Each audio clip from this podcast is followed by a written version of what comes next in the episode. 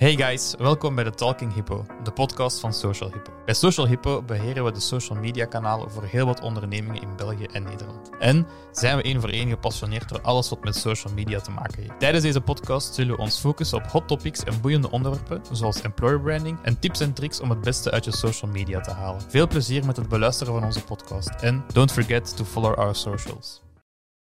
Hallo iedereen en welkom op alweer een nieuwe aflevering van de Talking Hippo. Uh, dit keer met als onderwerp Valentijn, een ideale tijd om een campagne te lanceren, ja of nee. Um, en ik heb meegenomen mijn, uh, de twee gastsprekers voor vandaag, uh, Cato en Scarlett. Welkom. Dank u. Dag leuk je terug te zijn. ja, dus we gaan straks wat verder in ja, het topic van Valentijn en alles wat er daarbij komt kijken. Zeker dan op op vlak van paid advertising, wat dat daar allemaal mee kan gebeuren. Daar gaat het een beetje over gaan vandaag. Uh, maar ik stel voor dat we eerst Kato een beetje voorstellen. Um, Kato is nieuw bij ons, het is een nieuwe, nieuwe stagiaire. Um, dus ik stel voor dat je jezelf misschien gewoon kort even voorstelt. Uh, ja, dus ik ben Kato, ik ben 22 jaar oud. Ik studeer marketing en communicatiesupport. En ik loop hier um, anderhalf jaar stage en nu is het mijn tweede week. Ja, je gaat ook um, allee, vooral in contact zijn met Scarlett. Um, je bent een beetje haar buddy. Of ja, buddy, ja. ja, je gaat haar, denk, je gaat haar vooral ondersteunen. ja, wat heb je momenteel al gedaan en ja, wat hoop je misschien uh, in de komende weken, maanden? Want ja, je zegt anderhalf jaar, dat is natuurlijk wel redelijk lang.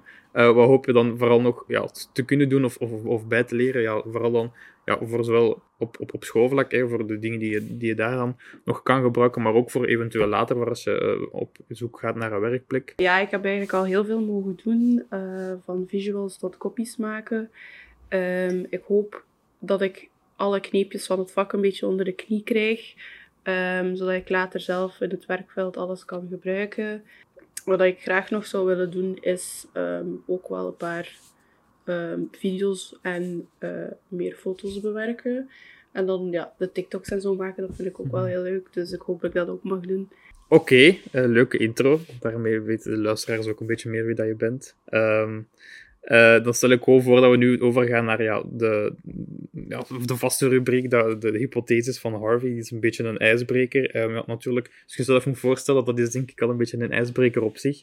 Um, maar ik ga er toch nog een paar stellen, dan kunnen jullie daar alle twee nog wel iets over, uh, over kwijt. Valentijn als campagneperiode of moeder- en of vaderdag? Ik ga voor moeder slash vaderdag. En waarom?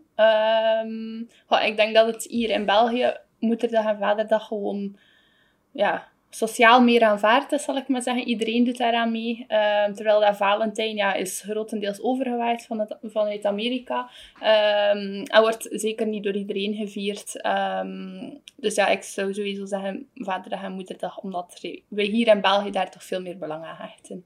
Persoonlijk ga ik daar ook mee akkoord, omdat ik vind dat Valentijn een beetje een cliché is. ik vind dat je mag je partner natuurlijk elke dag van het jaar graag zien en cadeautjes geven. Ik vind niet dat dat per se op één dag moet. En dan ik vind dat wel dat voor je moeder of je vader echt één dag zij echt in de bloemetjes mogen staan, omdat zij heel veel voor je doen.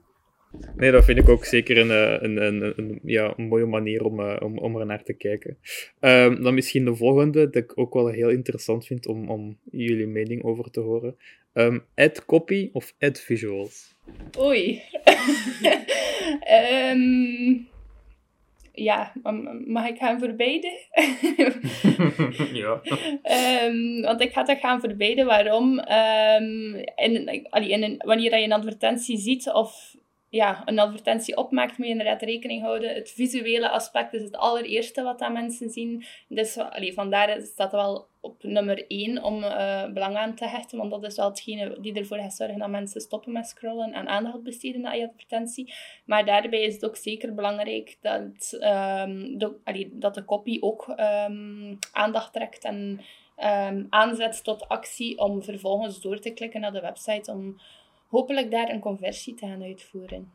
Persoonlijk vind ik uh, visuals wel heel belangrijk, maar zoals Scarlett net zei, een kopie is ook belangrijk omdat je dan meer informatie hebt ook nog over wat er op de visual staat. Maar een visual moet inderdaad wel echt uitspringen en je aandacht trekken. Wat is jouw mening? Ik denk ja, dat je het wel goed verwoord had, al twee. Omdat ja, het versterkt elkaar ook natuurlijk. Het een kan niet zonder het ander. En um, ja, het vloeit ook over in elkaar, want ja, er staat ook gewoon soms copy op de visual. Dus het is gewoon alle twee heel belangrijk. En um, als het een niet zijn werk doet, gaat het ander ook niet de impact hebben dat het hoopt te hebben. Maar ja, als, als, als, als, ook gewoon consument van, van, van bijvoorbeeld zo'n advertenties of zo, um, denk ik dat het logisch is dat de visuals het eerste zijn dat in je oog, uh, dat in je oog springt. Dus als het daar al misloopt, dan mag je nog zo'n goede kopie hebben, dan, um, ja, dan, loopt dan valt dat een beetje in het water. Dus um, ja, ik denk dat ik ook wel zelf voor visuals zou gaan. En dan uh, als laatste meta-ads of LinkedIn-ads. Um, specifiek voor Valentijn en moeder allee, themadagen campagnes zou ik gaan voor uh, ja, sowieso meta-ads, dus Facebook en Instagram. Ja, waarom? Omdat dat, ja, dat is themagericht en dan is het iets gemakkelijker om ja, mee te doen met de trend, om het zo te zeggen, op op Facebook en Instagram. Um, terwijl dat, ja, LinkedIn-campagnes is nog altijd um, het platform om voornamelijk, allee, om hoofdzakelijk B2B-campagnes te gaan voeren. En die campagnes ja, zijn minder gevoelig voor trends, zoals themadagen zoals Valentijn, Moederdag, Vaderdag. Oké, um, dan, ja, dan denk ik dat we wel genoeg ijs hebben gebroken en dat we over kunnen gaan naar de, naar de hoofdvragen uh, rond Valentijn. Ja, misschien als eerste gewoon hè, de periode Valentijn. Um, zoals dat je al zei, dat, dat is een beetje overgewaaid van, van Amerika. Uh, dat er andere themadagen zijn dat we bij, bij ons misschien wel uh, meer voeling hebben. Um, maar vind je dat, of vinden jullie dat over het algemeen wel een, een goede periode om campagne op te voeren? En ja, wanneer moet je daar dan mee beginnen? Zijn er dan bepaalde dingen die dat je moet um, ja, rekening mee houden? Um, hoe begin je daar eigenlijk aan als je zo'n campagne doet voor een Valentijnsperiode? Um, is het een goede periode om campagne te voeren? En ik denk dat dat heel afhankelijk is van, uh, van bedrijf tot bedrijf. Niet alle bedrijven allee, doen, doen eraan mee, um, om het zo te zeggen. het zal voornamelijk de, de bedrijven zijn die B2C die de B2C-klant hebben. Um, en dan misschien nog iets meer, uh, of iets specifieker zelfs, um, de bedrijven die um, verkoop doen. Omdat ze daar vaak ja, uh, promoties aan, aan, koppelen. Bijvoorbeeld een heel gekende is 14% korting. Dus dan is dat zeker wel een, allee, een, een, een goed iets om in de kijker te zetten aan de hand van, uh, van de betaalde campagne natuurlijk. Omdat je op die manier... Ja, de consument ziet nog altijd heel graag um, promos, um, gelijk voor welke gelegenheid um, dat ook mag zijn. Oké, okay, en zijn er dan, ja, voor Valentijn, wat denk je dan dat de geschikte periode is om te, te starten? Want allee, er zijn uh, voor bepaalde campagnes heb je een, een bepaalde vuistregel om dat te doen. Um, is dat dan voor Valentijn of eigenlijk alles wat dan meer themadag gerelateerd is hetzelfde, of is daar toch nog een verschil in? Um, voor Valentijn gaan we toch sneller voor een iets kortere looptijd gaan van de campagne. Waarom? We, we hebben juist de feestdagen achter de rug. Dan willen we niet te snel beginnen met Valentijn. Want dus ja, er zijn mensen die nog liefst in de kerstsfeer blijven tot het einde van januari.